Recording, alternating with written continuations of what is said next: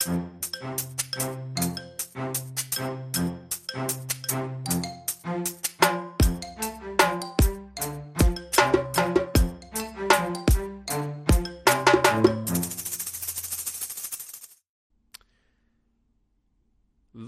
välkommen tillbaka till Stacken tillsammans med mig, Daniel Gustafsson och Kim Hindart. Hubba!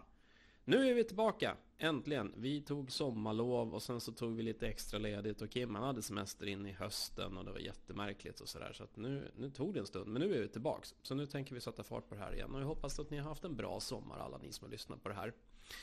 Hoppas att eh, ni fick eh, dra nytta av solsken och glatt humör så gott det gick. Nu var det inte fullt så pandemiet den här sommaren. Det var väl några som kunde bärgas i alla fall. Men det var fortfarande inte helt smärtfritt. Nog om det. Varmt välkomna tillbaka i alla fall ska ni vara. Eh, idag då Kim ska vi börja prata om något som ligger oss varmt om hjärtat. För det har ju hänt lite saker. Så vi tänkte att vi ska stöka av det. GDPR, ni vet den där saken som hände i Europa för några år sedan. Som förändrar hela livet. Vad digitala tjänster går och får, vad man kan och inte kan och personuppgifter och sådana saker. Det har ju hänt lite saker. För att nu är det som så här att det har ju funnits en massa åsikter om vad GDPR innebär. Och så har det kommit med man har trott att vissa tjänster kommer påverkas och man har trott att vissa länder kommer att agera. Nu i sommar har det hänt saker där folk har börjat agera. Vart börjar vi? Ja, ska vi börja lokalt här i Sverige då lite grann med ja, kan vi börja. en bunt myndigheter har faktiskt gått ut nu och skrivit en gemensam promemoria om att de inte kan använda Teams. Just. För de bedömer risken för hög.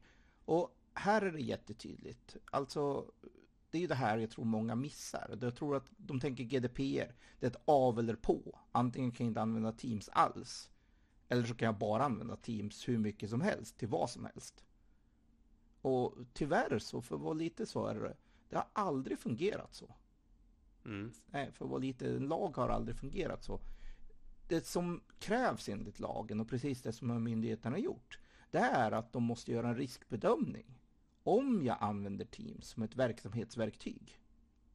Eller allmänna molntjänster. Ja, precis. Men ja. ja. nu var ju Teams det som var på agendan, ja, men allting annat. Men det gäller ju men annat också. All typ av tjänst, då spelar det ingen roll om det är en europeisk tjänst eller inte. Det måste göras en riskbedömning om jag köper den här tjänsten och lägger den här typen av information i den tjänsten. Vad är min risk då? Och även om jag säger uttryckligen att den här tjänsten ska enbart användas till det här och jag ska inte ha någon känslig information i den tjänsten så måste man också göra en riskbedömning. Vad är risken att användare gör fel? Mm.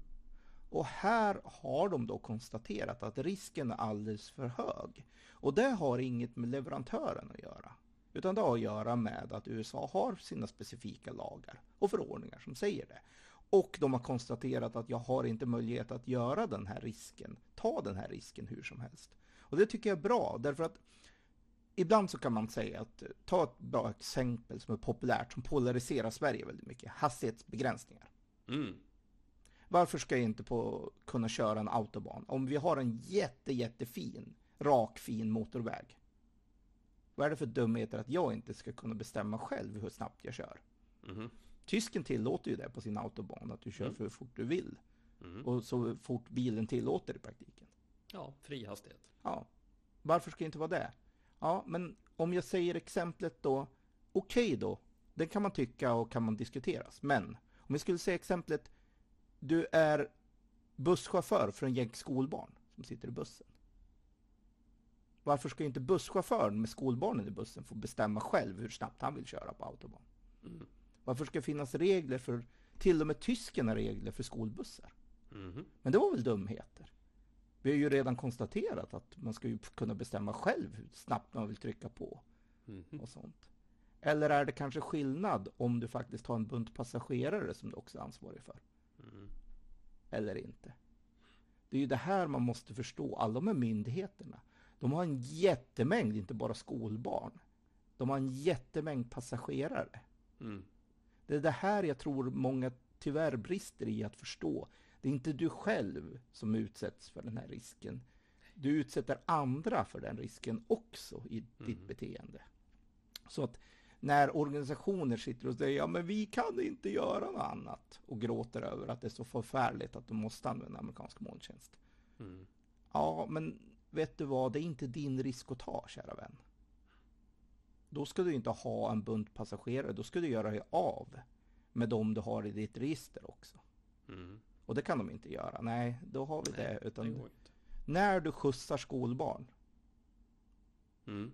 är det lite andra regler än när du sitter själv bakom ratten i din egen lilla bil. Och traditionellt, eller rätt sagt traditionellt, historiskt i Sverige och även i Europa till stor del så har det här aldrig riktigt varit något vi har brytt oss om tidigare för det har inte hänt någonting direkt av att vi har ju kunnat använda egentligen vilken tjänst vi vill hej vilt oberoende alla lager som har funnits men vi har egentligen kunnat gjort det. Det har aldrig varit riktigt något som vi har behövt brytt oss i så det är ju lite kulturförändring som sker eller måste ske.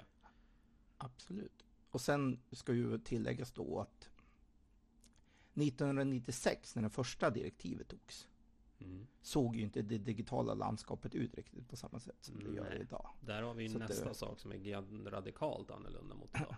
Så att det här med att personuppgifter var en handelsvara existerade inte riktigt på samma sätt i samma omfattning. Med samma systematik som det görs idag. Och det är där man måste också någonstans inse. Och om vi kränker en individs integritet idag, digitalt, den lever kvar för tid och evighet. Det gör ju det. Dumheter du har gjort på nätet, det har en tendens att finnas kvar där. Så det är svårt för dig att göra någonting åt det. Väldigt, väldigt långt upp i fram, eh, när du är högt upp i åldern. Det gör det. Så. Så att här har vi nu fått då några som gått ihop och sagt att det här går inte längre. Och det är de konstaterat att risken är för hög helt enkelt. Och här måste vi vara tydliga med att det är fortfarande så att det finns absolut ingenting i ett avtalssammanhang man kan göra om man är ett amerikanskt väsen. Därför att den lokala amerikanska rättsprocessen, just FISA, tar överhand i alla fall. Mm. Och trumfar alla affärsavtal du kan överhuvudtaget göra. Så att där är det så att amerikanskt ägande kommer alltid att innebära en FISA-risk. Och då måste man göra den, ta med det i sin riskbedömning. Du kan inte ignorera den och säga nej, men det tror vi inte. Eller du kan inte säga att vi tror att det är jätteosannolikt. Ja, det kanske det är. Och då Mm. är vi tillbaka på riskbedömningen. Men det ska ställas i proportion då till hur känsliga och hur omfattande är uppgifterna Mm. som kan läcka här också. Då tycker jag ändå man har gjort ett ganska väl övervägt beslut och insett att nej, det finns för stora risker med det just för att det är inte. Och då är det så att själva FISA-lagen, det är inget EU kan ändra på. Det är en amerikansk lag Ja. som går i konflikt. Ja. Och då kan man säga, ska EU ändra sin lag? Nej, det tycker jag inte, för den är väl ändå baserad Nej. på mänskliga rättigheter. Och Mm. att du ska ha rätt till din digitala integritet är en ganska väsentlig fri och rättighet. Mm. Och det håller man med om så att säga. Så det är mer det. Nej, då är vi tillbaka till vad kan leverantörerna göra då? Mm. Och här också vi tillbaka som vi har upprepat, sagt upprepade gånger. Det finns mycket leverantören kan göra också. Det här är bara en affärsmodell. Jag vet att ja, en känd leverantör av just Teams har en tendens att gärna skicka ut promemorior om hur mycket extra de gör nu. Men så länge de har fortfarande amerikanskt ägande och inte tar bort FISA Mm. i USA. Nej, då är de en risk som måste bedömas. Mm. Och då kan man nog säga att, vet du vad, de hade ju kunnat gjort saker som minimerar den här risken på andra sätt. Mm. Men det väljer de ur en affärsverksamhet att inte göra. Erbjuda till exempel on-prem licensmodeller. Mm. Har du hört? Jag vet att det bolaget har gjort så Många, många år framgångsrikt. det. i Mm. 30 år tidigare. Så att Mm. det är inget nytt för dem. Det är ett affärsbeslut bara för att vara tydlig så vi ska förstå det. Precis. Men, det, men det, det kan jag också känna, det får man ju respekt för. Det är deras Mm. modell nu. Det är så de har lagt upp strategin. Exakt. Så att här måste vi då som konsumerar deras tjänster också kanske då titta på passar den strategin vår strategi eller våra förutsättningar? Och det är ju där man, man har hamnat nu då kanske. Precis. Men då är det så att vi kan inte vika och tänja och utmana våra lagar Nej. baserat på ett annat la- la- lands eh, affärs, en annan bolags affärsstrategi. Det är en ganska viktig grej att tänka på. Speciellt inte om du är en offentlig förvaltning och hanterar jättemånga individers Mm. integritet utan att de individerna har ingen möjlighet att säga nej, du som offentlig förvaltning får inte hantera min identitet. Mm. Om jag ska köpa någonting av ICA så är det inget som tvingar mig att gå till ICA. Jag kan gå till Coop istället. Mhm. Jag har Precis. faktiskt möjligheten att välja där och välja bort en leverantör om jag inte tycker de respekterar mina Mhm. eh, min personliga integritet tillräckligt så kan jag välja en annan. Det finns det alternativet. Mm. I myndighetssammanhang, ja du kan flytta och byta land. Men det är en ganska dramatisk grej och ja, men det är ungefär det du har att göra så att när du förvaltar de uppgifterna då har du ett extra stort ansvar. Och jag tycker det är bra att de kör det med extra försiktighet då också. Mm. Så jag tycker inte det är fel. Utan jag tycker det är en bra grej att de, de tar det. Vad, vad blev utfallet nu när de här äh, svenska myndig- myndigheterna, de här bolagen går ihop och säger att det här går inte längre att köra? Eller vi bedömer risken för hög. Vad, vad vart utkast av det då? Resultat av det? De har börjat sätta samman en samverkansgrupp som ska utvärdera olika alternativ. Mm. För att se vad det finns. Och då finns det en rad alternativ. Det är mycket där att det finns en sån här bekvämlighet att man inte behövt leta. Mm. För man har fått det väldigt väl serverat framför en leverantör. Men nu har det visat sig att ja, det finns stora risker förknippade med att använda Mm. en amerikansk leverantör. Och då säger jag att Mm. är det någonting pandemin har visat så är det att när vi koncentrerar all vår leverans och hela vårt samhälle på till och med bara en region. Det kan vara många olika leverantörer, men se ur halvledarperspektivet här. Mm. All halvledare görs i Kina. Ja. Taiwan och Kina och där görs allting halvledarmässigt idag. Och när den regionen fick problem så fick hela övriga världen följdproblem av det. Mm. Och då kan man fråga, kanske vi skulle haft en tillverkning av det någon annanstans också, inte bara i Kina. Så komponentbrist är ju någonting som har blivit ett problem nu. För det här var ju någonting vi hade, lite, eller vi hade ju väldigt god koll på i den första perioden genom pandemin. Naturligtvis med att vi gillar att jobba med just den typen av tjänsteleverans. Där hårdvara exempelvis för oss är väldigt, vi är väldigt måna om att få tag på hårdvara i tid.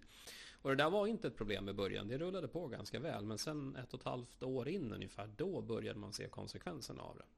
Och nu är det, nu är det ju komponentbrist i världen, uttryckligen. Det är svårt att få tag på prylar. Och när eh, de stora leverantörerna vill att du ska bara använda amerikansk molntjänst och molnleverans och ingenting annat. Och det ska koncentreras till det. Ja, vad händer om den inte skulle funka då? Ett tag. Exakt. Var står vi då? Ja. Vad händer en dag när amerikansk molntjänst säger nu tänker vi inte leverera till Sverige bara för att? Av Mm. någon anledning. Ja. Vad gör vi då? När vi hackar upp hela vår verksamhet. Kanske vi ska ha ett alternativ, åtminstone en plan B. Mm. Ja, man kan tycka i alla fall. Det hade varit lämpligt. Sen, men det var Sverige. Sen hände det något i Tyskland också.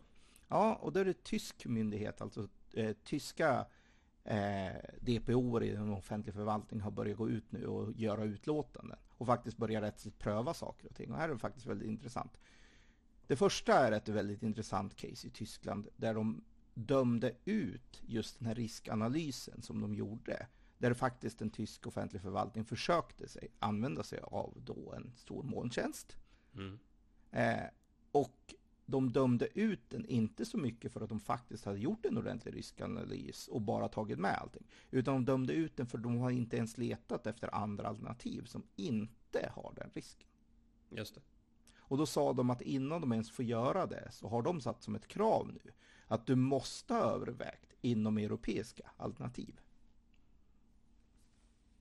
Och först när du kan säga att det finns inga inom europeiska, alternativ som av någon anledning, det är då du kan börja gå ut och motivera varför du ska utsätta dem för den extra risken med Pfizer.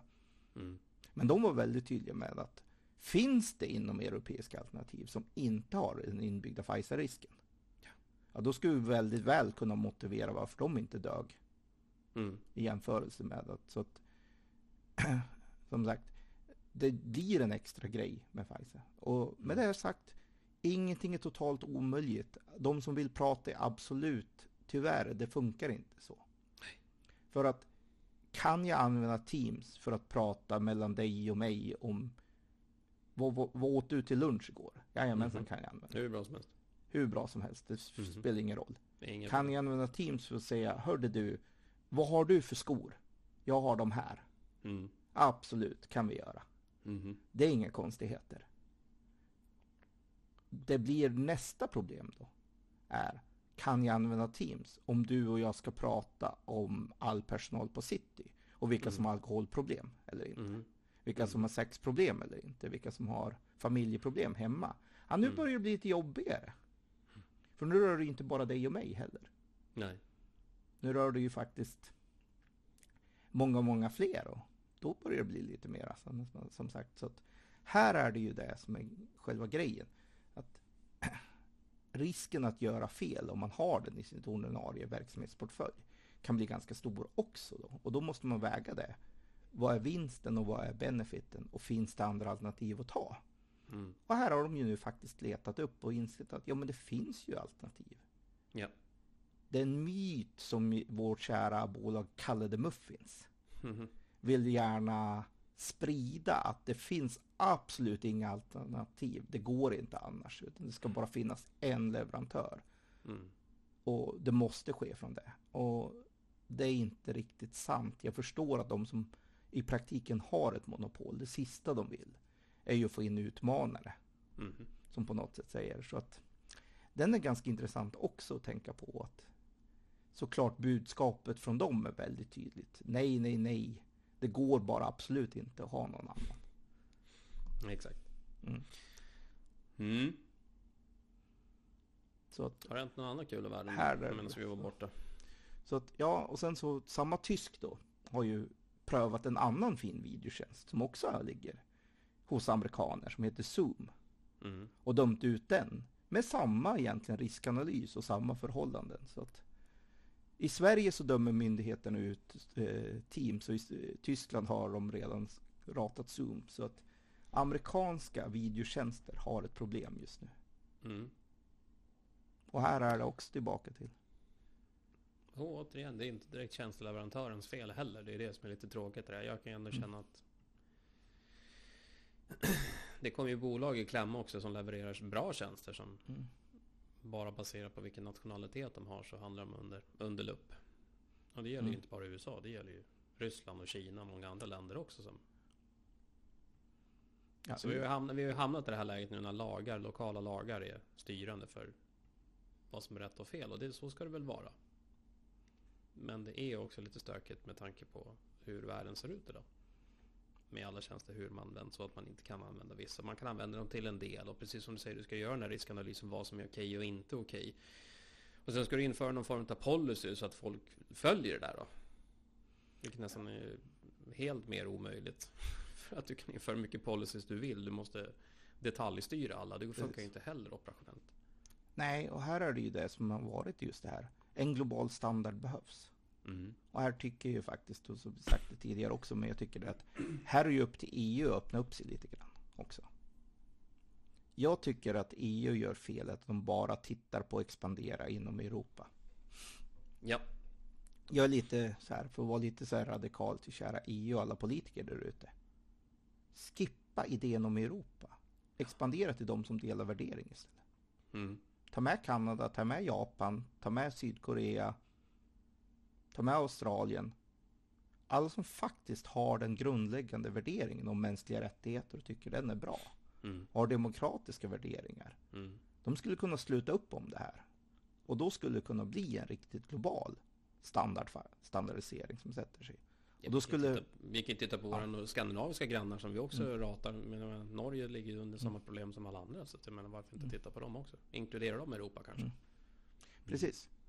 Och där tror jag att då skulle helt plötsligt bli mycket mera satt att om större delen av den demokratiska eh, världen som faktiskt respekterar fri och rättigheter och mänskliga Mm. rättigheter går samman och säger vi tycker det här är viktigt Mm. och enas under, sluter upp under en gemensam då kommer ju andra länder inte ha så mycket val än att till slut börja rätta sig för de kommer inte att kunna rata den marknaden ur ett affärsperspektiv helt och hållet. Mm. Det är det, men, men det är sagt, säg att Kina tillverkar bilar. Och så säger de att vi har vår interna kinesiska säkerhetsstandard på bil, minsann. Mm. Och den är helt okej för dig att köra i Sverige. Och så säger Sverige att den uppfyller inte våra kvalitetsstandarder. Eller den kanske gör det, men de har inte transparens nog från den kinesiska sidan, så vi vet inte om den gör det. Precis. Är det då Sverige som har problemet att de skulle säga att du får inte köra de bilarna i Sverige? Eller är det kanske Kina som tillverkare och leverantör som får anpassa sig då så att de får följa svensk, svenska regler? Mm. Det här är fullkomlig självklarhet när det gäller produkter. Mm. Men uppenbarligen när det gäller tjänster, som en molntjänst, då ska det ifrågasättas och utmanas. För så kan det inte vara. Nej. Och där är det ju också... Tillbaks till din tidigare poäng. Det finns ju en större tillverkningsindustri i de andra typer av tjänsterna än det finns inom IT-tjänster. Det finns en större, det finns en större utbud. Varje land i princip mer eller mindre har någon form av lokalt alternativ att välja. I stort sett. Om inte riktigt alla så finns det hyggligt nära i alla fall. Som... Men det är det det inte finns inom IT-industrin. Eller rätt sagt finns och finns. Jo det finns. Vi har valt att, att isolera oss på det sätt som vi har gjort. Med ett par stora leverantörer. Och framförallt vi i Europa har valt att bara handla av amerikaner. Mm och inte göra någonting själv. Och här Nej. är det tillbaka till det, det, är en ond spiral för att om vi inte köper inhemska grejer och främjar att faktiskt köpa av inhemska grejer. Mm. Strunt i lagarna. Ja. Men om vi inte köper av inhemska grejer så får vi inte inhemska leverantörer heller. Nej. Då ska vi bara vara konsumenter, för det är det vi är. Då vi är bara mm. konsumenter och vi vill bara konsumera massa bra tjänster. Ja, absolut. Men det finns ju en viss, en viss lite lathet i det också. Att man inte anstränger sig själv för att hitta på någonting. Återigen, det finns alternativ. Men det som är skillnaden mellan tillverkningsindustri kontra bilindustri är att inom tillverkningsindustri, se bilar, se flygplan, se tåg, se allt annat som vi tillverkar i världen så finns det ju ändå en större mångfald av leverantörer. Och det finns ett större utbud. Men bakomliggande alla de systemen, de IT-system som driftar och administrerar alla de här tillverkningsindustrierna. Där är det extremt smalt med vilka, använd, vilka leverantörer vi köper ifrån. Där smalnar det av. Mm. Men på sista raden är det ju det som är mest viktigt. Därför att om det försvinner, då, då dör ju din industri mm. också. Och här om det tillbaka till halvledare. Mm. Och en jättekoncentration av det. Tillverkning av det. Till mm. en väldigt specifik region i världen. Det är lite samma, vi har gjort samma sak när det gäller Jajamän. IT IT-verksamhet i övrigt, mm. mjukvara också, har vi koncentrerat till ett specifikt ställe. Mm. Och sen inte liksom, har vi inte ett bra alternativ till det. Nej. Och det är det jag säger, det finns alternativ där ute, men det, man måste öppna ögonen och leta lite mer. Det är ju såklart bekvämt att bara ta det största tillgängliga, som gärna väldigt hårt pushar för att få det färdigserverat också. Mm. Naturligtvis. Hade jag varit i deras jag hade inte gjort på något annat sätt heller. Nej, naturligtvis. Så, såklart, man gör sitt yttersta för att de inte ska vilja gå någon annanstans genom att bara vräka på dem. Men ja. Exakt. Mm. Jaha, har det hänt något annat kul i världen då? Eller var det det? Vad har hänt mer i världen? Är vi tryggare, stabilare politiskt nu då sen Biden kom till? Är det bättre nu? Ja, det kan ju diskuteras. Också ja, det, är, intressant det är faktiskt diskussion. något vi kan ta. Det kanske är för tidigt fortfarande att avgöra, men vem vet? Jag är inte så hundra. Det som blir väldigt, väldigt spännande vill jag påstå, det är vad händer nu i USA när du har den här enorma, enorma gruppen människor som av ren av ren polarisering vägrar tro på någonting myndigheter säger.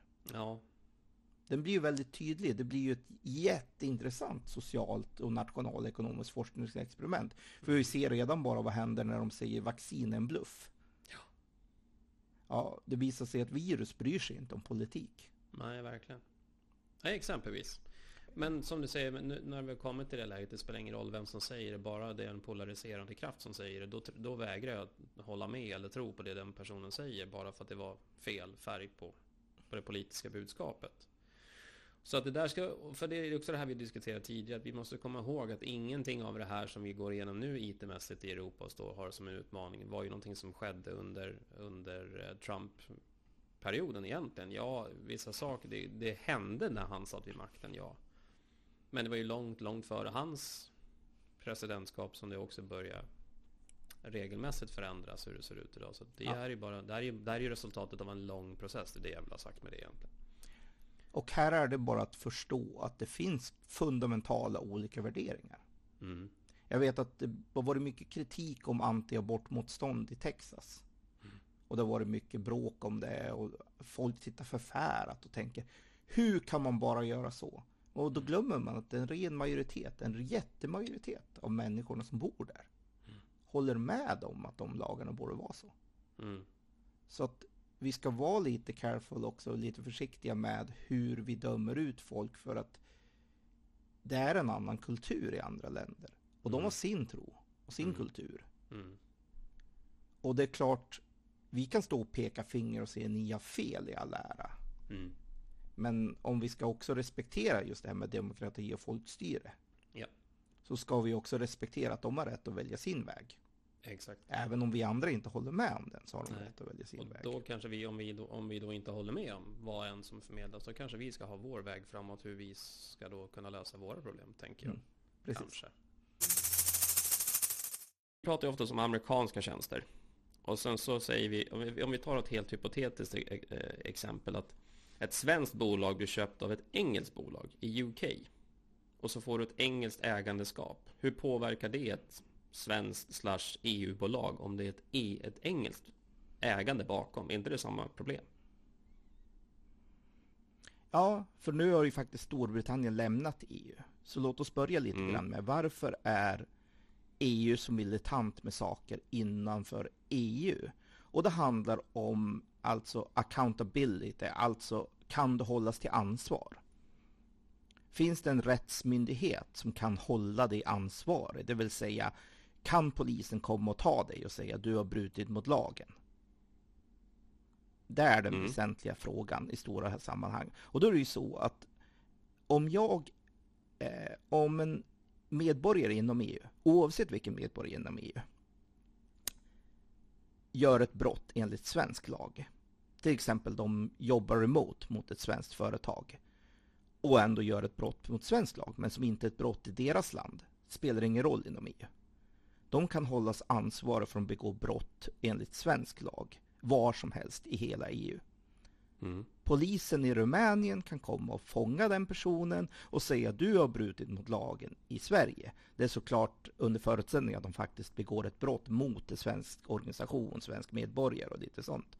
Så att säga. Så det, det här är ju ändå en förutsättning. Men det finns case där det till exempel är så att eh, eh, folk utanför i andra länder har blivit dömda i sitt hemland i enlighet med svensk lag eftersom så funkar det inom EU. På samma sätt som jag som svensk, om jag begår brott mot en rumänsk organisation, bolag eller medborgare Mm. i Rumänien kan jag hållas ansvarig för det brottet, även om jag sitter i Sverige och säger jag kan inte hänvisa till att jag är svensk medborgare och här i Sverige var det lagligt. Nej, man måste följa lagen och respektera lagen om man så att säga till exempel committar som till exempel jobbar för ett företag eller gör ett dataintrång utifrån. Så att säga. Det är typiskt sådana här saker som är så att det här med att respektera folks eh, digitala integritet i form av personuppgifter. Det är ju en och samma lag över hela EU. Så det spelar ingen roll var begåttet brås. Alla individer inom EU kan hållas ansvariga mot den lagen oavsett var de är inom EU och var inom EU begå, eh, det har begåtts ett brott. Så att därför är det Mm. liksom så att säga, det är lag överallt. Men det EU är väldigt noga med, det är just det här med kan en individ hållas ansvarig eller inte för saker de gör? Finns det någon annan lag i andra länder som kan stå över den här lagen och göra att de lagligen kan göra saker?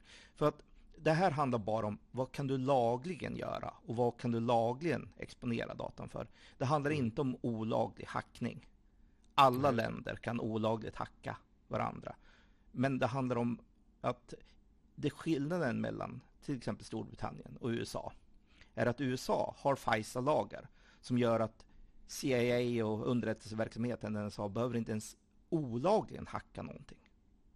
Mm. De kan fullt lagligt begära att få data av olika organisationer. De kan fullt lagligt begära att få accesser av olika organisationer. Och de kan inte ens vägra det och de kan absolut inte berätta det. Och framför Mm. allt olika organisationer som förvaltar andras data.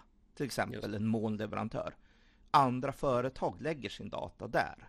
Den datan kan FISA fullt lagligt begära att molnleverantören ska lämna ut.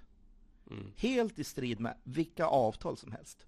För att här är det väldigt tydligt, det finns inga som helst avtal du kan skriva som står över och skyddar mot FISA. Nej. FISA gäller för all data, extraterritoriell. Bara du är ett amerikanskt ägande så kan du som ägare bli skyldig att lämna ut antingen systemaccesser eller ren data, kopiera data, mm. Mm. som inte är i ditt ägandeskap, men du har tillgång till den. Det kan FISA begära att du ska göra. Och det här är ju liksom så att säga amerikansk lag som har problem. Det finns en anledning till varför två försök, Safe Harbor och Privacy Shield, båda slagits ner. Och det var just på mm. grund av den här lagen. Så att det får man ju ändå säga, då är fundamentalskillnaden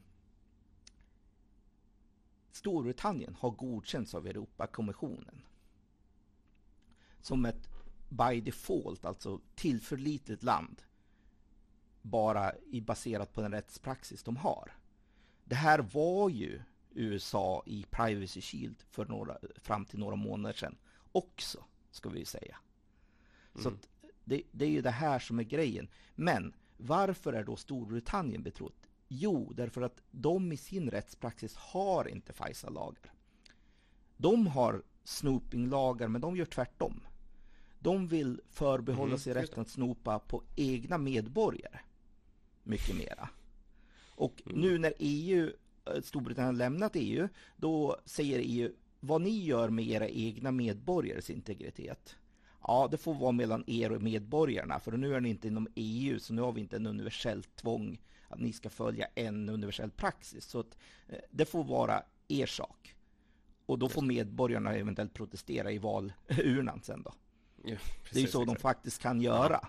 Eh, mm. när, när USA snokar och spionerar och kränker andras identitet utanför USA.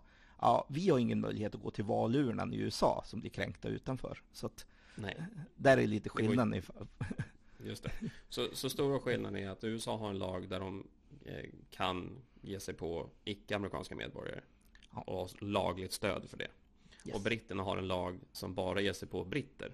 Men ja. inte har en lag som stödjer ja. att man får ge sig på icke-britter. Och till och med har de skrivit i sin lag att det är fullständigt olagligt att ge sig på andra EU-medborgare om de inte följer GDPR. Just det.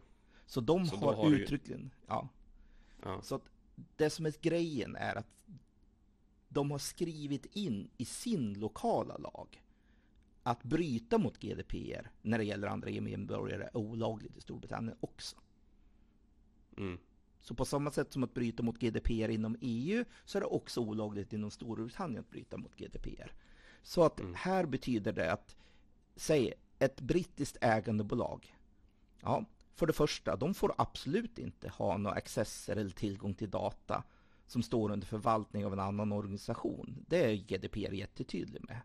Mm. De ska ha ett skäl att vilja ha den datan. Och det finns inga legitima skäl för till exempel bara att du bara råkar vara en ägare att du ska ha personuppgifter som behandlas i ett moln till exempel. Så om vår kund lägger data i ett moln, det är kundens ägda data, det är kundens intellectual property, det är kunden som mm. förvaltar den. Vi är så att säga biträde i den mm. bemärkelsen. Vi har ingen som helst rätt att ge ut den datan till ens ägare. Ägare har ingen som helst rätt att begära en systemaccess till den datan. För det är GDPR väldigt tydlig på. Och skulle en ägarorganisation komma och säga, hörde ni, vi i egenskap av ägare sätter ner foten och säger, vi vill ha tillgång till den här. Då finns det en massa skyddsombud och skyddsmekanismer som kan protestera med detta mm. till myndigheten. Det är precis det som integritetsmyndigheten är till för också. Att mm. det kan de inte egenmäktigt bestämma, en ägare, när man förvaltar andras information, utan den är skyddad enligt lag. Så att det finns liksom ett eh, ägarna kan försöka begära ut den. Men då begår de lagbrott. Det är det som är skillnaden med FISA. FISA när de begär, gör en sån begäran begår inte lagbrott. De är tvärtom skyldiga enligt lag att hålla tyst om det. Ja, just det. Och göra det. Så att, eh, här är det just skillnaden i lagrum. Så en brittisk ägare får inte ha systemaccess och får inte komma åt data som står under förvaltning hos andra organisationer utan att de måste ha ett riktigt lagligt skäl. Så att den enda, enda organisationen i Sverige som kan begära ut data och få data, det är polisen, svensk polis. Ja. Så om en brittisk bolag av någon anledning vill ha information angående kunder till exempel som vi kör i vårt moln Mm. som svenskt bolag, då måste det gå via svensk polis. Och så gör det inom EU. Det är ju det som är hela tricket med just, vi pratar också om det här med EU. Det finns en samverkan lagmässigt över hela EU. Så att det, det behöver inte ens vara att de bryter mot lag på sin inhemska plats. Svensk polis kan säga den här individen har brutit mot dataintrångslagar enligt, i Sverige enligt svensk standard. Ja. Vänligen eh, hämta den och håll, så att Ja. vi kan hålla den ansvarig för svensk. Så att det här är liksom samverkan som finns inom EU, tryggheten som finns inom EU. Så att visst är jag bad guy och vill göra massa intrång, då har jag ett problem att gömma mig inom EU. Men samtidigt så är det ju ett skydd för alla medborgare inom EU också, att man vet Mm. att folk kan inte gömma sig inom EU för EU-lagar, utan det är en universell grej över hela det. Sen så ska vi säga att Japan, Norge, ja, många andra länder har ju anslutit till det här också och jobbar enligt samma praxis. Det vill säga, de gör det olagligt i sin lag också att kränka individers fri och rättigheter. Det är bara eh, USA som har en annan syn på det. Kina har också samma problem, för de Mm. har inte samma syn, samma resonemang. Så Mm. att här är det ju värt att förstå att ett brittiskt ägande har inte stöd på något sätt att lagligen få ut det. Ett amerikanskt ägande har stöd enligt sin lag att lagligen få ut det. Mm. Och i USA så prioriterar de den högre än GDPR. Ja. Så ja, där, Så där är grund, grundproblem, problemet varför just det är. Och det här har ju som sagt EU-domstolen konstaterat två gånger nu. Mm. Att nej, den rättspraxis som finns i USA fungerar inte i enlighet. Nej. Och Så ett brittiskt ägare är ägande är bättre ur det perspektivet än ett amerikanskt ägande ur det perspektivet. de har, ingen, de har inte en inhemsk lag som står över GDPR. Tvärtom har de Nej. skrivit i sin inhemska lag att GDPR är det som gäller. Just. Så de har en eh, mer förståeligt en mycket närmare relation med Europa på det sättet. Som skulle inte vilja trampa på det sättet heller. Mm. Och det är samma med Norge. Norge är inte ens med i EU, men de följer GDPR rakt igenom helt och hållet också. Såklart. Så att, ja. De har inte mycket val. De skulle inte få vara deltagare så mycket i samarbetet om de inte. Nej, de skulle bli väldigt isolerade om de inte tog den stansen. Så är det. Så att, Mm. här är det så att säga. Så det handlar ju om, är det olagligt i det land vi pratar om, där ägandeskapet kommer från eller inte? Och då är svaret att för Storbritannien så är det precis lika olagligt som om de varit innanför Europa fortfarande. Ja. Så att det är inte att de, de kan inte. Och då har man ju just som sagt skyddet att om vi som bolag skulle till exempel få påtryckning av engelska ägare att nu ska ni lämna ut era kunders uppgifter här. Mm. Så nej, då går man till en myndighet och säger det ska vi inte alls göra. Och så kommer myndigheten och säger nej, det ska vi inte alls göra. Va- varför vill ni kära ägare ha det relevans? Som sagt, en ägare kan ju begära alla uppgifter man kan lämna ut om själva City Network. Mm. Det är värt att förstå, egenskap av ägare. Det betyder inte att man kan få alla uppgifter som våra kunder har lagt i våra tjänster. Nej. Eftersom där är vi kontraktsbundna Mm. av just GDPRs data eh, biträdesavtal. Mm. Personuppgift biträdesavtalen styr där och de är lagskyddade. Så det är inget, där är det inget som så att säga en ägandeskap kan komma och försöka övertrumfa och säga ja men vi vill ha uppgifterna av den intellectual propertyn som förvaltas av er också. Nej, det kan man inte begära. Nej. Som sagt, ekonomiska uppgifter och allting om, om City Network som bolag, ja naturligtvis. Ägarna har rätt till allt sånt. Mm. Ja, ja, men det förklarar ju ändå skillnaden med ett amerikanskt ägandeskap kontra ett brittiskt ägandeskap i förhållande mot GDPR och hela den här frågeställningen som vi nu står inför. Eh, med alla tjänster som vi vill använda internationellt.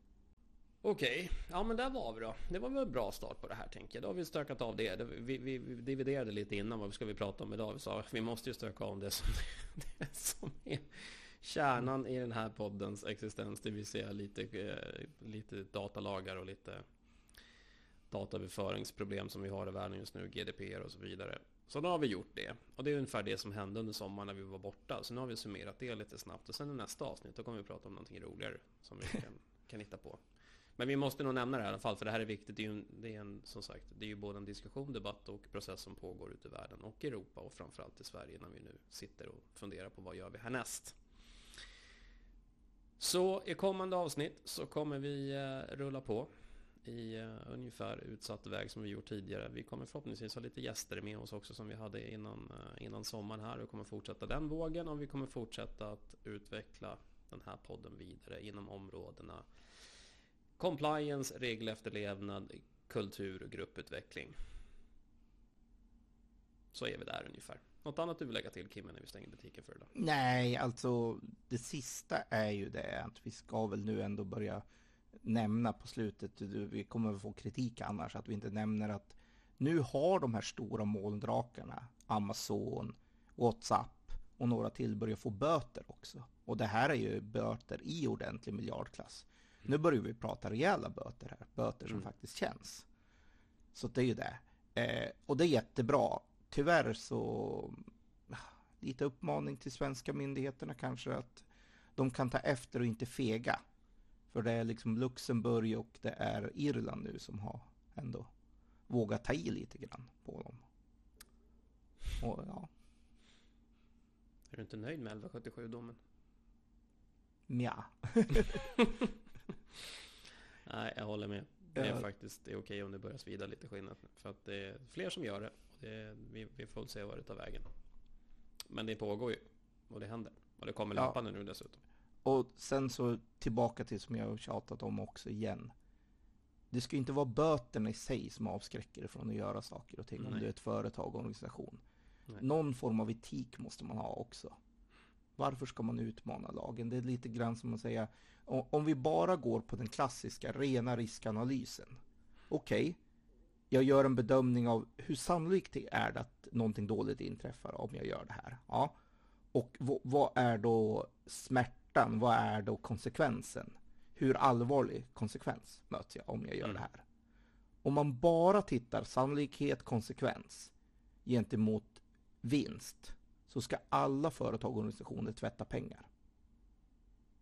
Det finns absolut ingenting som slår den lönsamheten kontra både sannolikhet och konsekvens av du får av att faktiskt du tvättar pengar. Att säga. Så att ur ett rent riskanalysperspektiv så ska egentligen alla företag tvätta pengar. För att det är jättelönsamt med väldigt låg slutrisk egentligen. I, i, när allting kommer kring sig. Varför gör inte alla det för? Ja, tack och lov så är det så att någonstans så finns det någonting som heter en grundläggande etik här också som kommer in. Och då kan det vara så här. Varför ska myndigheter utmana lagen? Kan jag tycka. Så, jag håller med. Sluten, lite jag grann. Så, ja. Nej, jag håller med. Jag håller med. Och där är det som sagt så att du ska inte bara göra det baserat på riskanalys. Åh, jag kan få en massa böter.